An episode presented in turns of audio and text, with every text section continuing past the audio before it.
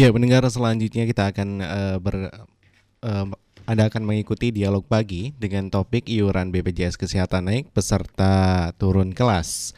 Dan uh, uh, pendengar sudah hadir narasumber ada Bapak Sum, Sumbut Murwata ya Pak. Uh, Sumbut Murwata SH, Kepala Bidang Kepersertaan dan juga Pelayanan uh, Peserta dan ada Ibu Dr. Rika Pur Purnama. Benar ya Bu? Kepala Bidang Penjamin Manfaat Rujukan dan ada Bapak Puguh Purwandono, akademisi IAI Bunga IAI Bunga Bangsa. Ya, pendengar sebelum kita berdialog, kita akan uh, mendengarkan beberapa laporan yang uh, sudah disampaikan.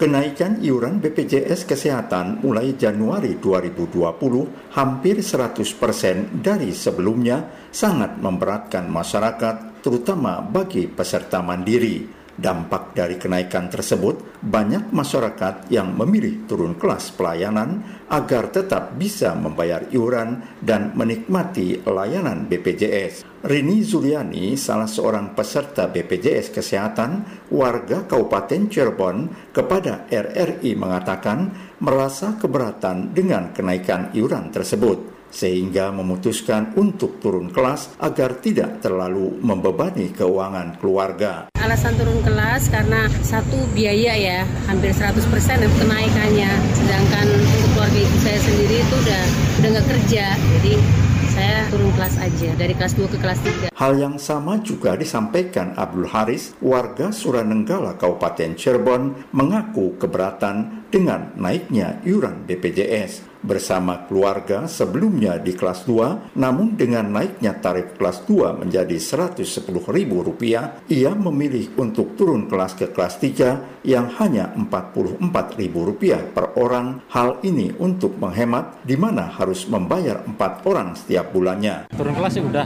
minggu kemarin dari kelas 2 ke kelas 3. Nggak mampu 4 orang. Kalau 110 kali 4 orang kan 440 kan. Ya terlalu besar sih cicilan per bulannya belum listrik, belum yang lain kebutuhan kebutuhan-kebutuhan kan banyak. Rini Zuliani maupun Abdul Haris mengharapkan agar kenaikan iuran BPJS diimbangi dengan peningkatan kualitas pelayanan karena selama ini pelayanan belum maksimal. Bahkan banyak peserta BPJS yang tidak mendapatkan pelayanan sebagaimana mestinya. Muhammad Bakri melaporkan Menanggapi naiknya BPJS yang sampai 100% saya kira wajar kalau banyak peserta yang turun kelas apalagi kelas mereka yang memang mandiri. Karena kenaikan ini juga justru yang tidak wajar. BPJS belakangan ini membuka kanal-kanal dan mempermudah pelayanan bagi peserta BPJS yang ingin turun kelas. Di samping itu pemerintah juga harus kembali mencari formulasi bagaimana caranya BPJS ini justru benar-benar meringankan masyarakat bukan justru memberatkan seperti ini terkait iuran BPJS yang naik 100% saya pribadi tidak menurunkan kelas karena BPJS yang ada saat ini saya di cover oleh tempat kerja saya sehingga otomatis eh, apa yang BPJS lakukan dengan kenaikan otomatis saya pun mengikutinya. Namun orang tua saya atau adik-adik saya di rumah dan keluarga sebagian besar menurunkan kelasnya tentang iuran BPJS Kesehatan mulai tahun 2020 naik hampir 100% dari sebelumnya. Kalau saya menunjukkan turun kelas dikarenakan memang kalau misalkan kita mengikuti aturan pemerintah memang sangat baik, impactnya juga baik. Cuman balik lagi dengan pemasukan atau gaji bulanan yang dimiliki oleh kami itu masih belum mencukupi untuk mengikuti iuran BPJS Kesehatan yang naik hampir 100% ini. Ya, tadi itu dia uh, laporan dari uh, reporter RRI dan juga ada pendapat dari masyarakat. Uh, mungkin kita akan uh, mendengar dulu uh, pendapat dari para narasumber untuk uh, mengomentari pendapat dan juga laporan tadi. Uh, bisa ditanggapi uh, Pak Sumbut mungkin pendapat dari masyarakat. Ya, baik. Uh, selamat pagi para pemirsa di mana pun anda berada. Uh, semoga sehat selalu.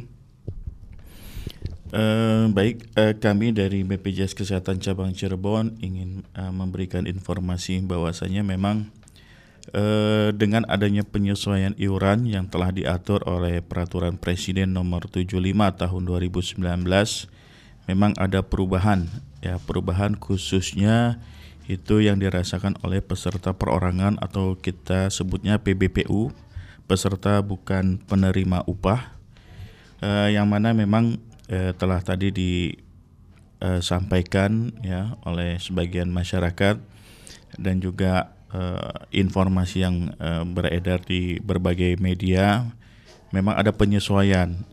Nah Penyesuaian ini memang uh, sesuai dengan amanat Undang-Undang Nomor 24 Tahun 2011 yang mana memang uh, bisa dilakukan itu minimal adalah dua tahun sekali ya yang mana uh, pemerintah akan melakukan uh, penyesuaian terhadap uh, iuran. Tentunya imbas penyesuaian iuran ini adalah dengan uh, defisitnya ya BPJS Kesehatan yang uh, kita uh, dengar dari bermacam media bahwasanya di tahun 2019 saja BPJS Kesehatan itu uh, defisit sebesar 28 triliun. Nah, ini juga uh, mengantisipasi hal yang sama di tahun 2020 agar tidak lagi terjadi defisit yang diperhitungkan bisa mencapai 30-an triliun. Makanya uh, saya kami uh, merupakan ini merupakan tindak lanjut atau usulan yang terakhir yang telah dilakukan, yang mana ada uh, tiga hal yang yang menjadi uh, fokus kami sebelum uh, melakukan penyesuaian iuran. Yang pertama adalah kami uh, mempunyai hak untuk membatasi pelayanan kesehatan. Nah, tentunya itu eh, tidak tidak bisa kami lakukan karena karena kalau adanya pembatasan pelayanan kesehatan maka itu akan berdampak terhadap pelayanan peserta tentunya di rumah sakit maupun di eh, FKTP. Kemudian yang kedua adalah meminta bantuan kepada pemerintah pusat ya. Dalam dalam hal ini adalah adanya subsidi dari pemerintah. Karena memang program JKN ini merupakan program bersama, program pemerintah yang mana memang bukan hanya BPJS saja, yang BPJS kesehatan saja yang mempunyai peran dan andil di sana, tetapi seluruh seluruh eh, kementerian, kemudian juga peserta masyarakat dan juga eh, yang lainnya ya mitra kerja dan lainnya itu mempunyai andil dan peran serta ya terhadap program JKN ini sehingga memang program JKN ini bisa uh, kita uh, apa namanya keberlangsungannya lah masih tetap berjalan seperti itu. Nah itu merupakan uh, langkah yang kedua bahwasanya kita sudah melakukan usulan penambahan uh, khususnya men, uh, BPJS Kesehatan Pusat ya untuk disubsidi atas defisit yang dialami oleh BPJS Kesehatan. Karena ini berdampak terhadap uh, pembayaran ya pembayaran ke rumah sakit yang agak tersendat dikarenakan memang uh, jumlah iuran yang masuk tidak sebanding dengan jumlah pembiayaan pelayanan kesehatan. Dan yang ketiga atau yang terakhir memang ini yang uh, sangat memberatkan masyarakat adalah penyesuaian ya penyesuaian iuran. Yang mana memang peraturan presiden ini uh, di didiskusikan atau di uh, apa di uh, bahas oleh kementerian-kementerian terkait yaitu Kementerian uh, PMK, Kementerian Keuangan, Kementerian Kesehatan ya dan juga Dewan Jaminan Sosial ya, Dewan Dewan Jaminan Sosial. Nah, di sana uh, BPJS Kesehatan tidak secara langsung ya, tidak secara langsung membahas tentang penyesuaian iuran. Namun empat lembaga tersebut yang telah tadi saya sebutkan itulah yang membahas mengenai penyesuaian iuran yang telah diterbitkan peraturan presidennya yaitu ya. peraturan presiden nomor 75 tahun 2019. Ya, ini yang mungkin yang dirasakan oleh masyarakat memang atas penyesuaian khususnya adalah peserta mandiri untuk kelas 1 yang sebelumnya 80.000 menjadi 160.000. Kemudian yang kelas 2 yang sebelumnya 51.000 itu menjadi 110.000 dan kelas 3 yang sebelumnya 25.500 menjadi 42.000. Tidak hanya peserta mandiri saja yang eh, disesuaikan sejak awal ya tahun 2020 berlakunya itu ada juga kepesertaan segmentasi penerima bantuan iuran atau PBI, baik itu PBI APBN maupun PBI APBD itu juga disesuaikan iurannya. Yang sebelumnya di Perpres eh, 28 ya tahun 2016 itu diatur bahwasanya untuk iuran PBI, APBN maupun APBD itu 23.000 per jiwa per bulannya. Nah, dengan terbitnya Perpres 75 tahun 2019 ini disesuaikan menjadi 42.000 ya untuk uh, kepesertaan PBI. Nah, kemudian dari uh, segmentasi kepesertaan pekerja memang yang berubah adalah pekerja penyelenggara negara. Uh, PPUPN yang kami sebut. Kalau PPUPN ya PNS, TNI, Polri ya sebelumnya itu diatur oleh Perpres 28 tahun 2016 iurannya itu adalah dua berbanding tiga persen ya dua persen adalah kewajiban dari pegawainya dan tiga persen adalah kewajiban dari uh, pemberi kerjanya atau penyelenggara negaranya. Nah, di Perpres 75 ini disesuaikan menjadi satu berbanding empat persen, sama halnya dengan uh, segmentasi pekerja badan swasta, badan usaha swasta. Satu persen adalah uh, yang di kewajiban dari si pegawainya dan empat persen merupakan kewajiban dari pemberi kerjanya. Nah, tentunya uh, hal yang sama juga uh, diberlakukan pada saat Perpres 28 tahun 2016 uh, 2 persen dan tiga persennya itu dipotong dari gaji pokok plus tunjangan tetap ya. Nah di yang 75 2019 ini yaitu gaji pokok plus seluruh tunjangan yang diterima ya itu dipotong satu persen. Nah, kemudian tadi uh, ada dari masyarakat yang menyatakan bahwasanya dia sudah bekerja, namun keluarganya atau orang tuanya masih peserta mandiri. Nah, di sini perlu saya sampaikan bahwasanya bagi peserta pekerja, baik sektor swasta maupun sektor uh, penyelenggara negara, itu dapat menambahkan anggota keluarga tambahan di luar keluarga inti. Hmm. Nah, kalau keluarga inti itu adalah e, pekerja yang bersangkutan, istri atau suami dan tiga orang anak. Nah, anggota keluarga tambahan ini meliputi anak keempat, kelima dan seterusnya, atau orang tua kandung atau mertua. Ya, dua orang orang tua kandung atau orang e, mertua itu yang bisa didaftarkan sebagai anggota keluarga tambahan. Nah, tentunya memang ada uh, penambahan persentase iuran bagi pekerja itu per jiwanya itu satu persen. Jadi menambah lagi satu persen. Kalau sebelumnya di potongan gaji satu persen itu meliputi lima orang, nah ini karena ada keluarga tambahan, misalnya mau menambahkan orang tua dua orang, berarti tambah lagi dua persen. Karena masing-masing satu orang itu adalah satu persen per bulannya. Nah, mungkin itu selintas uh, terkait dengan informasi yang saat ini sedang uh, hangat-hangatnya ya, yaitu tentang pemberlakuan Perpres 75 tahun 2019. Mungkin ya. itu saja, Mas. Mungkin uh, Pak Puguh bisa dikomentari tadi uh, berkaitan dengan uh, pendapat masyarakat ya. yang uh, mengomentari iuran BPJS Kesehatan. Baik, terima kasih uh, pendengar yang saat ini sedang uh, mendengarkan acara kami Semoga sehat selalu, jaga kesehatan selalu, karena kesehatan itu mahal. Terkait dengan kenaikan dan turunnya kelas, ya. itu buat saya adalah suatu fenomena yang sangat memprihatinkan. Hmm.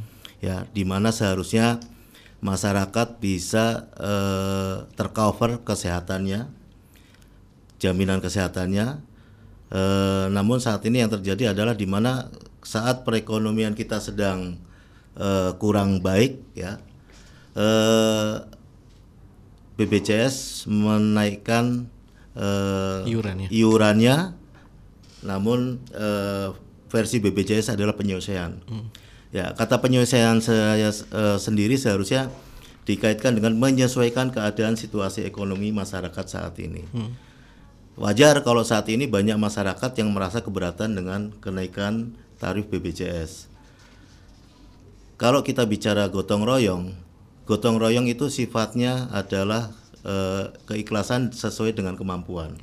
Namun ini gotong royong yang terkesannya dipaksakan. Bahkan yang lebih memprihatinkan lagi, kenaikan ini mencapai 100%. Namun di balik itu semua sebenarnya eh, ada nilai positif dan negatif daripada kenaikan itu sendiri. Beberapa eh, kenaikan ya apa artinya kenaikan yang sekarang ini di harus dilakukan apa yang disampaikan tadi oleh dari pihak BPJS untuk menanggulangi menanggulangi adanya eh, defisitnya anggaran itu mungkin hal yang lumrah ya. Ya. Artinya karena selama ini BPJS eh, banyak mengcover masyarakat yang tidak mampu. Di situ ada nilai gotong royongnya. Namun dengan kenaikan yang dipaksakan ini yang harusnya dievaluasi kembali agar tidak memberatkan masyarakat. Terkait dengan turunnya kelas ini adalah sebuah solusi. Ya, solusi di mana agar eh, masyarakat situ eh, tidak apa namanya? tidak terlalu berat ya. Namun ini dirasakan sekali oleh eh, anggota eh, atau peserta BPJS yang mandiri ya seharusnya kenaikan ini juga bisa di apa namanya eh, disesuaikan dengan apakah ini peserta eh, BPJS mandiri atau peserta BPJS yang non mandiri Mandiri. ya yang mandiri dalam arti kata bukan dia seorang pengusaha, dia bukan seorang apa namanya wira swasta, tapi banyak juga pekerja eh, yang serabutan. Ya, itu juga termasuk kalau dia ingin dijamin kesehatan oleh pemerintah, dia juga masuk kategori eh, sebagai peserta BPJS. BPJS mandiri seperti itu. Nah, harapan kami seharusnya pemerintah mengevaluasi kembali eh, kenaikan ini atau bisa disesuaikan dengan eh, kelas-kelas ya. Artinya kalau misalnya tingkat eh, perekonomian mereka itu dibilang di bawah rata-rata seharusnya disesuaikan juga dengan tingkat perekonomian mereka. Namun saat ini terkesan dipaksakan. Dan bahkan eh, yang lebih ini lagi ketika masyarakat dituntut untuk menggunakan atau menjadi anggota peserta BPJS anggota DPR RI sendiri malah menggunakan jasindo. Ya ini yang sangat ini sekali di Indonesia itu yang sangat apa ya eh artinya kalau memang mau pakai BPJS dari presiden sampai rakyat terkecil pun pakainya BPJS artinya gotong royong. Nah sementara rakyatnya suruh gotong royong eh, DPR RI-nya malah pakai jasindo. Ini sebuah ketimpangan yang luar biasa di Indonesia. Namun itulah eh, negara yang sedang berkembang ya, selalu ada nilai positif dan negatifnya. Begitu juga dengan kenaikan BPJS. Mungkin kita juga tidak melihat dari sisi negatifnya saja, kita juga harus lihat dari sisi positifnya. Yaitu salah satunya. Ya mudah-mudahan eh, apa yang di- yang terjadi di Jiwasraya itu tidak terjadi di BPJS nanti ke depannya. Harapan masyarakat seperti itu. Ya, naik naik naik ujungnya yang make pejabat-pejabat negara juga. Seperti itu. Harapannya BPJS bisa menaungi, bisa memberikan jaminan kesehatan kepada masyarakat hingga masyarakat terjamin kesehatannya dan masyarakat tidak kesulitan dalam eh, apa namanya eh, dalam melakukan pengecekan kesehatan sampai dia benar-benar sembuh. Kalau kita ambil contoh, mungkin di Bekasi ya, di Bekasi mungkin sudah tidak butuh BPJS. Kenapa? Ya, karena di Bekasi sendiri semua warga Bekasi itu eh, dijamin kesehatannya oleh wali kotanya dengan menggunakan kartu Bekasi Sehat. Saya rasa itu sebuah contoh mau apa namanya untuk daerah-daerah lain. Nah, kita kembalikan kepada pimpinan daerahnya mau tidak memberikan jaminan kesehatan masyarakat. Ini kan sebuah upaya dari pemerintah daerah untuk meringankan beban pemerintah pusat. Salah satunya itu. Artinya BPJS kan nggak perlu ngeluarin biaya di Bekasi. Apa pun eh, dana yang dia dapat, yang penting masyarakat sehat seperti itu. Itu sedikit gambaran tentang BPJS. Oke. Ya, Ya, sebelum kita lanjut lagi eh, dialog pagi hari ini, kita akan mengikuti laporan eh, dari reporter RRI Alex Sunardi berkaitan dengan iuran BPJS Kesehatan naik eh, peserta turun kelas. Alex Sunardi, laporan Anda. Baik, terima kasih rekan Hairul Anwar. Pendengar, eh, pagi hari ini saya berada di kantor BPJS Kesehatan Kabupaten Cirebon di mana sejak uh, tadi pagi saya memantau di uh, kantor BPJS Kesehatan Kabupaten Cirebon ini memang antrian uh, peserta BPJS ini sudah uh, nampak sejak tadi pagi dan rata-rata uh, mayoritas uh, masyarakat yang uh, mengantri ini uh, kebanyakan uh, ingin uh, turun kelas atau uh, turun pelayanan uh, iuran BPJS Kesehatan yang memang setelah dinaikkan oleh pemerintah per awal tahun 2020 ini uh, banyak masyarakat yang merasa keberatan dengan uh, kenaikan iuran BPJS yang hampir uh, mencapai 100 persen sehingga di lapangan memang banyak sekali masyarakat yang ingin turun kelas pelayanan agar tidak memberatkan keuangan mereka. Namun begitu pun juga masih banyak masyarakat yang uh, tetap uh, ataupun tidak mengajukan turun kelas karena rata-rata uh, juga uh, hal ini karena iuran BPJS mereka uh, tercover oleh uh, perusahaan tempat kerja mereka. Dan pendengar uh, untuk mengetahui bagaimana terkait dengan kenaikan iuran BPJS ini uh, saat ini saya sudah bersama salah seorang warga yang sedang mengurus di BPJS. Ada Mas Ahmad Zelani uh, asal Ciwaringin. Selamat pagi Mas Ahmad. Selamat pagi. Mas Ahmad, ke, kalau menurut Mas Ahmad sendiri kenaikan BPJS yang hampir 100% ini seperti apa Mas? Ya, kalau menurut saya sebagai warga terlalu signifikan ya, karena naiknya juga hampir 100%, banyak masyarakat kelas menengah ke bawah, apa ada semacam kayak kalau terlalu keberatan karena kenaikan yang begitu tinggi dan fasilitasnya juga kadang terkatung-katung tidak sesuai dengan pembayaran tersebut. Jadi kalau menurut bagi saya yang PPJ, PPJS-nya PPU itu tidak ada masalah juga karena disubsidi separuhnya oleh pemerintah. Nah, jadi untuk kelas yang di bawah menengah atau ke bawah itu terlalu memberatkan begitu. Jadi kalau Mas Ahmad sendiri tidak uh, turun kelas nih? Tidak, alhamdulillah karena disubsidi separuhnya oleh pemerintah juga. Jadi masih nyaman untuk yang kelas satu. Tapi mungkin ada uh, dampak yang dirasakan walaupun tidak turun kelas karena tentu saja uh, potongannya akan berbeda dengan sebelumnya. Pasti, itu pasti karena tahu sendiri yang sekarang kelas 1 160 jadi kayak saya tanggungannya tiga jadi ya mungkin gaji juga berbeda. Gajinya berkurang. Berkurang. Mas mungkin uh, oke okay lah iuran BPJS mungkin naik, tapi mungkin ada yang diharapkan Mas Ahmad agar ke depan pelayanan BPJS ini bisa lebih maksimal. Harapan saya sih kalau di kantornya cukup memuaskan ya. Nah nanti mohon ditingkatkan oleh pemerintah ketika pelayanan di tempat kesehatan tersebut karena banyak aduan atau banyak terdengar itu terlalu tidak diutamakan atau terlalu disia-siakan begitulah. Baik, terima kasih Mas Ahmad sudah ngobrol-ngobrol dengan RRI. Ya, sama-sama Pak. Pendengar seperti tadi yang disampaikan Mas Ahmad Jailani, masyarakat asal uh, Kecamatan Ciwaringin memang uh, beliau memang tidak uh, melakukan turun kelas pelayanan karena uh, masih uh, tercover oleh perusahaan tempatnya bekerja, namun tetap saja meskipun uh, tidak turun kelas, tapi uh, dampaknya dirasakan karena uh, tentunya uh, dengan angka uh, iuran yang uh, baru yang hampir naik 100% dari semula ini berdampak dengan potongan di gaji Mas Ahmad setiap bulannya yang tentu akan berbeda dengan uh, penerimaan gaji di bulan-bulan uh, sebelumnya.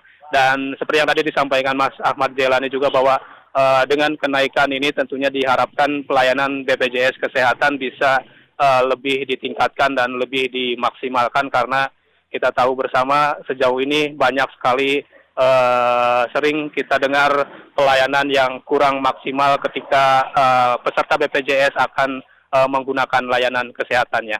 Baik, rekan Herul Anwar, sementara informasi yang dapat saya sampaikan dari kantor BPJS Kesehatan Kabupaten Cirebon, Alex Sunardi melaporkan kembali ke Anda di studio. Ya, Ya, lapor uh, Arik Sudari, terima kasih atas laporan Anda.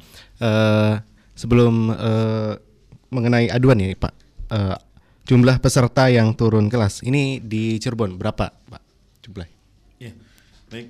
Uh, untuk peserta yang turun kelas ini kita pantau kemarin uh, dari tanggal 2 Januari sampai dengan 10 Januari itu itu ada eh, kenaikan yang cukup signifikan yang mengurus untuk turun kelas itu kurang lebihnya 400 21 orang. Uh, jadi kalau dirata-ratakan mungkin 60 sampai 70 per orang per harinya apa 70 antrian per harinya. Nah, ini memang uh, terlihat dari bertambahnya jumlah kunjungan yang datang ke kantor cabang kami. Dan memang untuk program turun kelas ini memang ada kebijakan diskresi kebijakan dari manajemen dari uh, direksi bahwasanya untuk peserta yang sudah terdaftar di tahun 2019 itu dapat melakukan turun kelas walaupun status kepesertaannya belum satu tahun hmm. karena kita ketahui bersama dalam Undang-Undang 24 2011 dijelaskan bahwasanya untuk kepesertaan JKN itu kalau mau turun atau naik kelas itu harus satu tahun terlebih dahulu baru e, bisa memproses naik atau turunnya.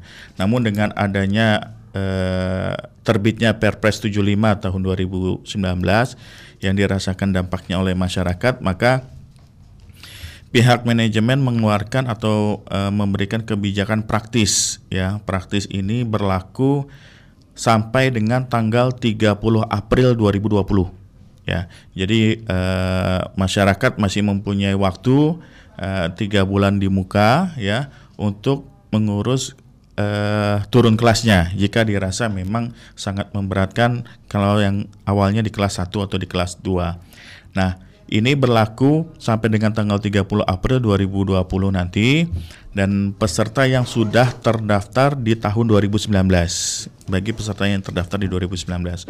Karena kalau yang terdaftar di tahun 2020 itu sudah kita informasikan terlebih dahulu bahwasanya agar tidak terjadi kendala, tidak sampai menunggak atau tidak mampu bayar peserta, maka eh, diharapkan mendaftar sesuai dengan kemampuannya seperti itu.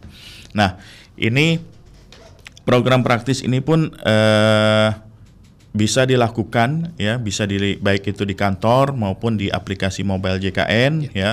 kalau datang ke kantor atau itu eh, dengan ya antrian yang panjang memang. Namun eh, kami biasanya kalau yang untuk turun kelas ini kami hanya berlakukan un untuk fast track saja. Fast track dalam arti kata hanya menyimpan berkasnya saja ya uh,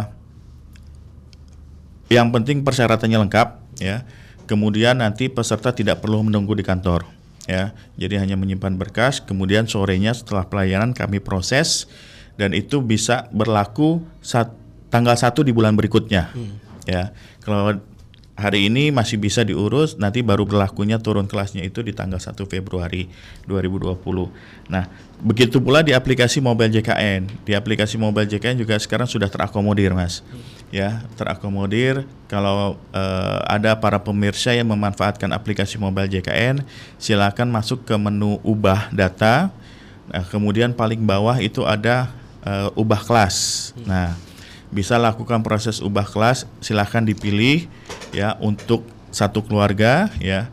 Kemudian nanti setelah dipilih kelas yang mau e, dipilihnya maka nanti akan ada notifikasi persetujuan melalui email ya. Nah, nah kemudian masukkan kode notifikasinya maka nanti e, kalau ada notifikasi kembali e, berhasil ya dilakukan perubahan maka nanti berlakunya tanggal 1 di bulan e, berikutnya. Kemudian bisa juga melalui care center 1500 400 ya. Bisa menghubungi ke sana untuk melakukan perubahan penurunan kelas atau bisa ke uh, mobile customer service. Ya, biasanya kita uh, datang ke desa-desa atau ke kelurahan-kelurahan ya. Kalau nanti pas uh, ada mobile atau ada mobil BPJS lah ya, logonya BPJS bisa dilakukan proses penurunan kelas di sana. Ya. Nah, kemudian nanti uh, petugas akan melakukan proses uh, penurunan kelas. Kemudian uh, terkait dengan uh, tadi yang disampaikan oleh uh, Pak Pugu ya, memang kami sudah berkoordinasi dengan uh, pemerintah daerah ya, uh, khususnya pemerintah daerah Kota Cirebon ya, uh, kemudian Kabupaten Cirebon. Nah, bahwasanya memang untuk anggaran pemerintah daerah sendiri kan sangat sangat terbatas gitu ya. Memang kita juga tidak memaksakan gitu kan. Tetapi saat ini Dinas Sosial sedang melakukan proses pendataan verifikasi validasi. Yang mana proses pendataan itu nantinya bisa masuk ke dalam DTKS-nya Dinas Sosial. Hmm. Nah, dengan harapan nanti DTKS itu merupakan sumber data atau bank data bagi Kementerian Sosial. Bahwasanya memang telah dilakukan proses pendataan oleh instansi di bawahnya bahwasanya ini memang yang layak untuk nanti diajukan sebagai peserta PBI. Nah, sehingga itu nantinya uh, mengurangi lah, mengurangi beban masyarakat dan juga mengurangi beban pemerintah daerah. Karena kita ketahui bersama secara nasional pemerintah pusat itu sudah mengcover 96,8 juta jiwa untuk kepesertaan PBI APBN-nya. Kemudian uh, pemerintah daerah secara nasional itu sudah mengcover 37, sekian juta jiwa Nah, kalau di total itu sudah 133, sekian juta jiwa di cover oleh pemerintah, dibiayai oleh pemerintah iurannya. Nah, itu sudah mungkin sudah lebih dari 50% ya dari jumlah penduduk yang ada gitu ya. Nah, ini juga peran serta pemerintah sudah ada di sana. Nah, kita doakan saja mudah-mudahan kondisi perekonomian pemerintahannya uh, bagus ya sehingga bisa mengcover melebihi ya. Uh, syukur-syukur tadi harapannya dari Pak Puguh ya pemerintah baik pusat maupun daerah bisa mengcover seluruh ya seluruh masyarakatnya penduduknya. Namun memang eh, mungkin agak sedikit saya sanggah Pak Puguh tentang pemerintah Kota Bekasi yang mana eh, mereka mempunyai jaminan tersendiri di luar BPJS Kesehatan. Namun uh, itu ternyata sudah diatur oleh Kementerian Dalam Negeri di tahun-tahun sebelumnya bahwasanya tidak boleh ada dua pembiayaan dengan program yang sama. Kalaupun ingin melakukan pembiayaan, maka diintegrasikan ke BPJS Kesehatan seperti itu. Jadi uh, uangnya itu di uh, dibayarkan sebagai iuran, kemudian nanti BPJS Kesehatan yang mengcover seluruh uh, pelayanan kesehatannya. Kalau yang tadi kan uh, pemerintah Kota Bekasi berarti mengcover seluruh pembiayaan pelayanan kesehatannya. Nah, itu yang di amanat Permendagrinya diatur tidak diperbolehkan dengan program yang sama gitu.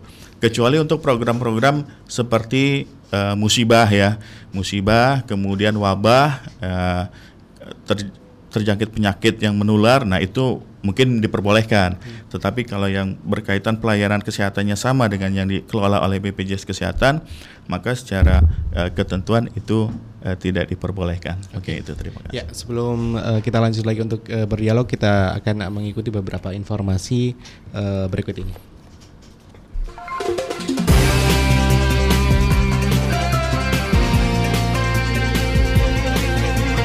Saat ini Anda sedang mendengarkan program 1 RRI Cirebon. Frekuensi AM 84 kHz dan FM 94,8 MHz.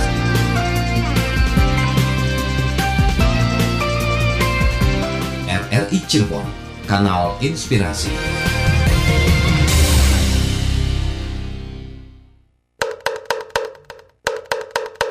Waktunya kentongan. Jika saat banjir air masuk ke dalam rumah, apa yang tidak boleh dilakukan? A. Mengamankan harta benda terutama yang rentan terhadap air. B. Menyelamatkan diri ke tempat yang lebih tinggi atau ikuti saran evakuasi.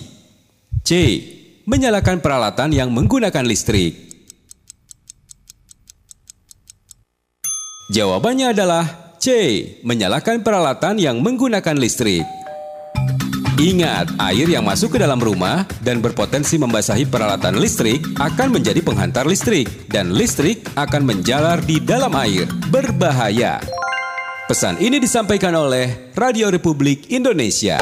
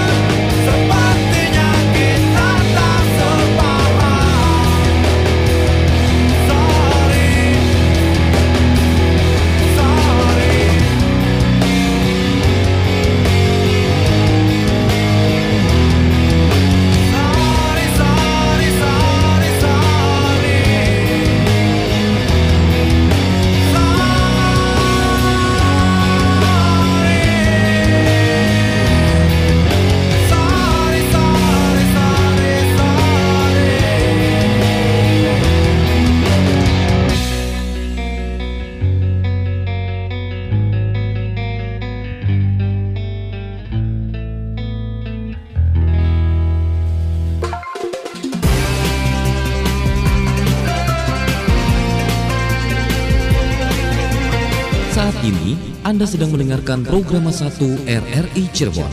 Frekuensi AM 84 kHz dan FM 94,8 MHz.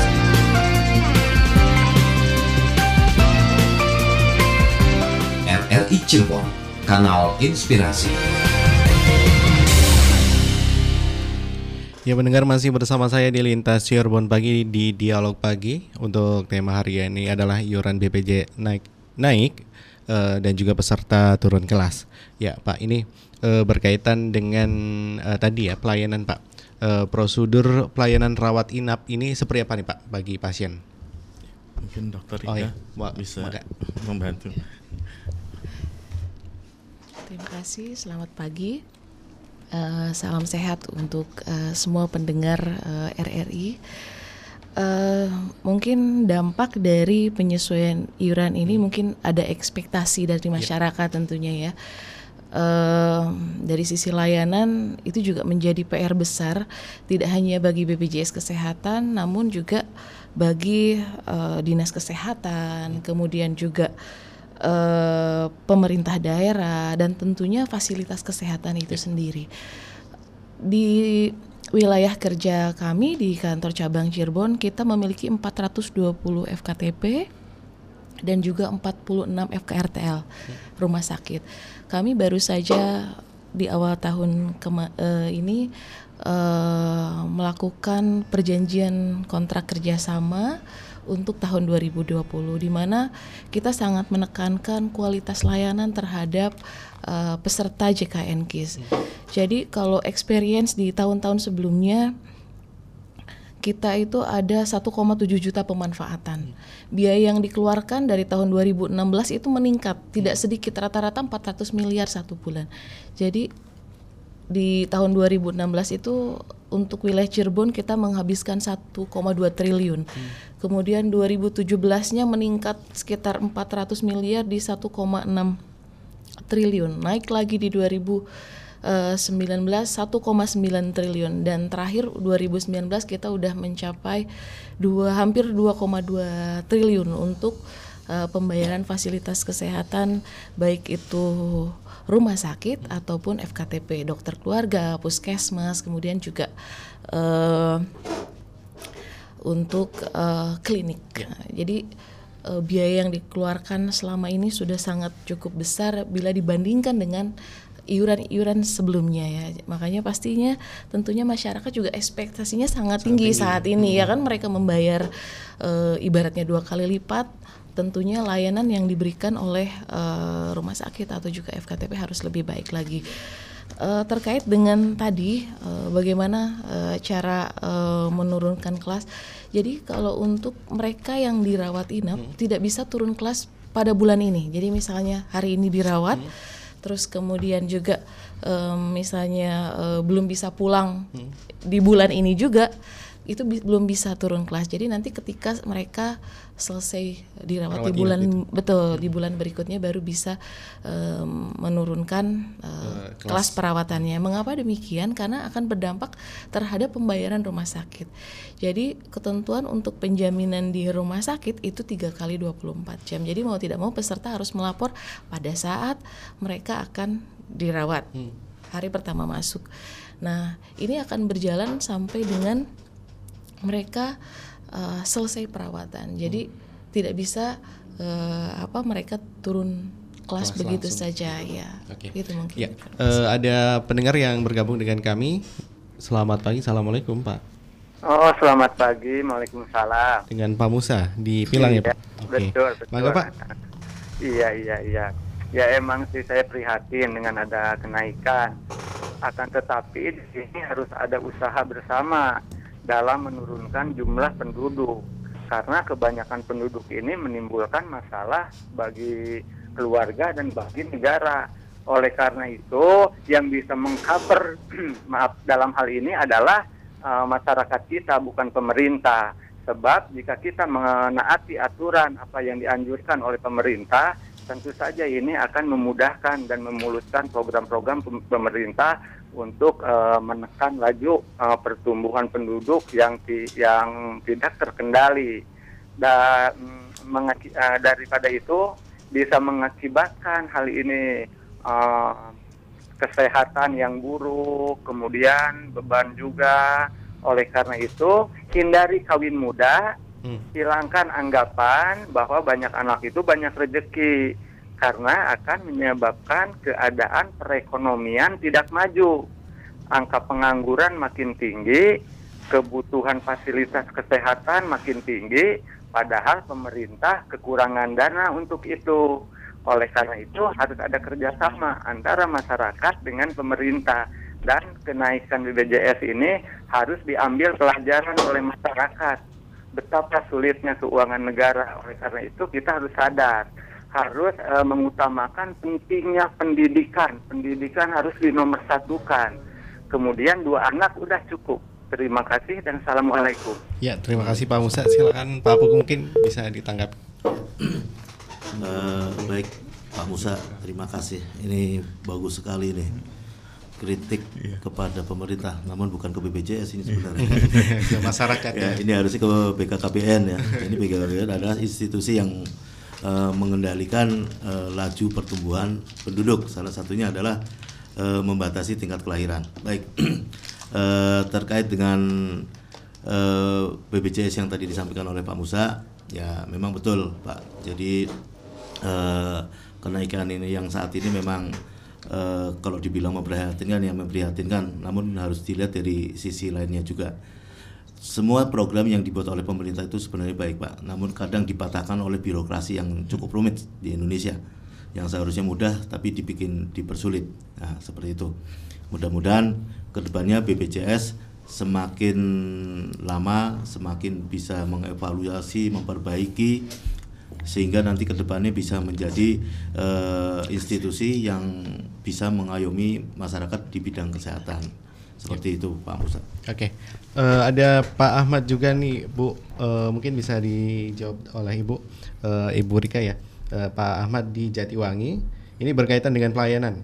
Bicara soal BPJS, adik ipar, adik ipar saya akan berobat ke rumah sakit eh, spesialis mata dengan eh, BPJS, tapi eh, hanya diberikan eh, janji oleh petugas hingga hampir dua tahun lamanya tidak ada penanganan medis. Menurut eh, pihak yang pihak tersebut eh, katanya menunggu telepon eh, menunggu panggilan via telepon. Ini kenapa nih bu? Bisa seperti itu? Eh, baik dari Pak Ahmad ya. Pak Ahmad Jatiwangi Eh, mungkin Pak Ahmad nanti boleh kontak nomor telepon saya Hmm. eh, supaya saya juga lebih eh, tahu detail eh, permasalahannya apa. Karena kalau untuk eh, beberapa pelayanan seharusnya sih tidak ada pembatasan.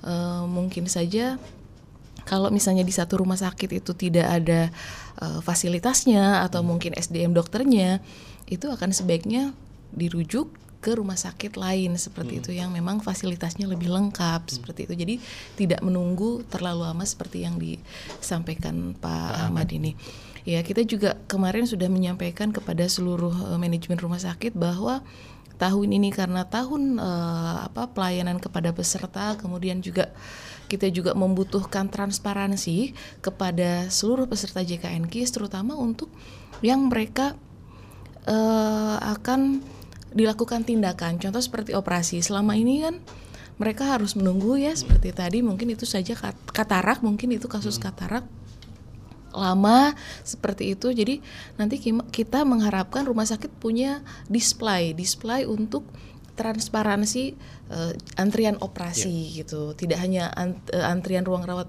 inap tapi juga ada transparansi terkait dengan antrian operasi. Itu. Nanti boleh berkontak ke nomor telepon saya di 0811 2100 242 Oke. Ya, mudah-mudahan Pak Ahmad bisa eh, terpuaskan ataupun bisa terjawab apa yang ditanyakan dan ada Ibu Indra juga sudah bergabung dengan kami di telepon. Selamat pagi Bu, Assalamualaikum.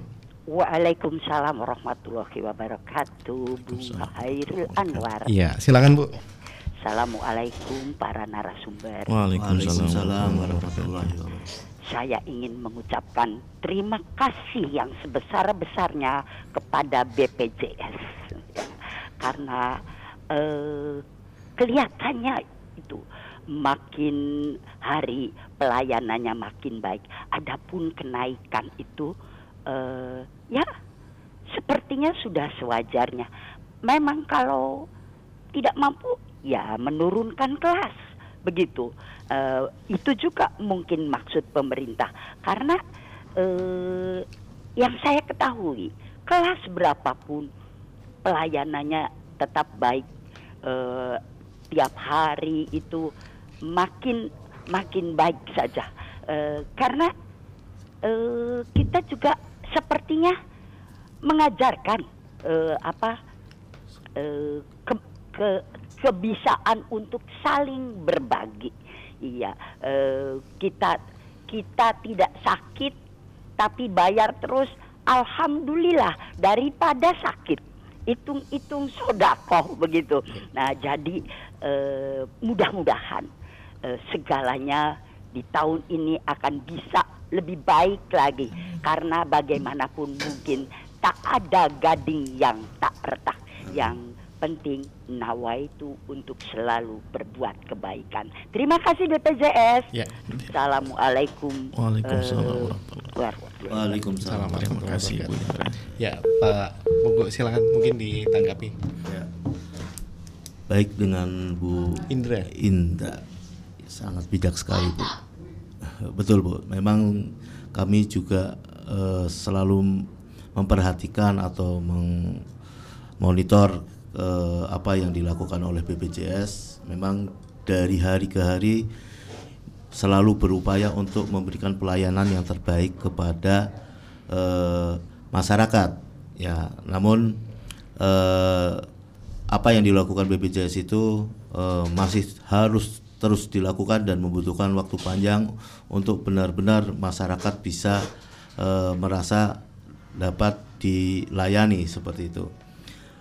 Apa yang dilakukan BPJS salah satunya eh, berkaitan dengan layanan rumah sakit memang kalau dibandingkan dengan yang dulu-dulu dengan yang sekarang itu sangat berbeda sekali. Ya, salah satunya adalah eh, adanya beberapa rumah sakit yang nakal yang semakin hari semakin berkurang ya. Salah satunya memberi pelayanan kepada eh, masyarakat yang sakit walaupun belum sembuh dalam waktu tiga hari sudah suruh pulang. Ini saya juga eh, minta keterangan dari BPJS terkait dengan itu. Nah, setelah si pasien tersebut ke rumah, ternyata penyakitnya tambah parah dan kembali lagi ke rumah sakit ditolak. Tidak boleh di rumah sakit yang sama. Dan saya sudah mendapat jawabannya pada saat saya berkunjung ke BPJS. Ya, tapi saya masih apa namanya masih belum paham. Nanti akan dijelaskan oleh eh, narasumber dari BPJS terkait dengan kenapa pasien yang eh, tiga hari dirawat dalam keadaan sembuh atau tidak sembuh harus segera cabut dari rumah sakit tersebut.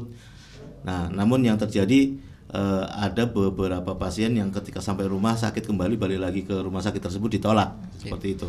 Ya, jadi sekali lagi Bu Indra, memang kita salut lah terhadap BPJS dan ini program pemerintah saya rasa program yang terbaik untuk masa untuk rakyatnya, untuk masyarakatnya. Namun masih harus tetap dilakukan perbaikan-perbaikan setiap eh, waktu, setiap harinya, setiap bulannya agar maka masyarakat bisa tercover. Seperti itu Ibu Indra. Terima kasih. Ya, eh, tadi berkaitan juga tentang tiga hari, Pak. Ini eh, bisa dijelaskan nggak Pak? Eh, apakah eh, pasien yang eh, dirawat itu eh, hanya tiga hari itu untuk mendapatkan pelayanan, Pak? Ya, Eh, baik. Mungkin nanti Dokter Ika bisa menambahkan. Eh, berdasarkan eh, regulasi yang ada, baik itu regulasi dari internal BPJS maupun dari kementerian-kementerian terkait, dalam hal ini adalah Kementerian Kesehatan, bahwasanya untuk program JKN ini tidak ada pembatasan apa pun.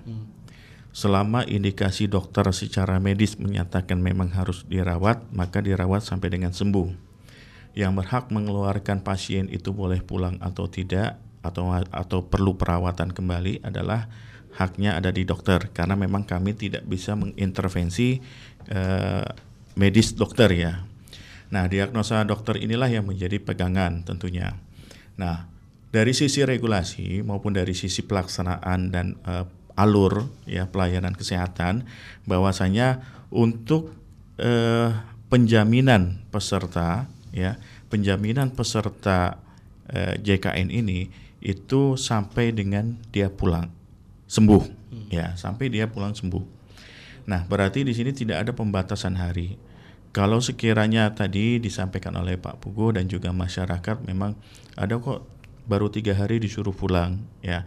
Kita harus melihat dulu kasusnya seperti apa kemudian kita melakukan konfirmasi. Apakah memang betul dokter yang men- eh, menyarankan untuk pulang atau bagaimana?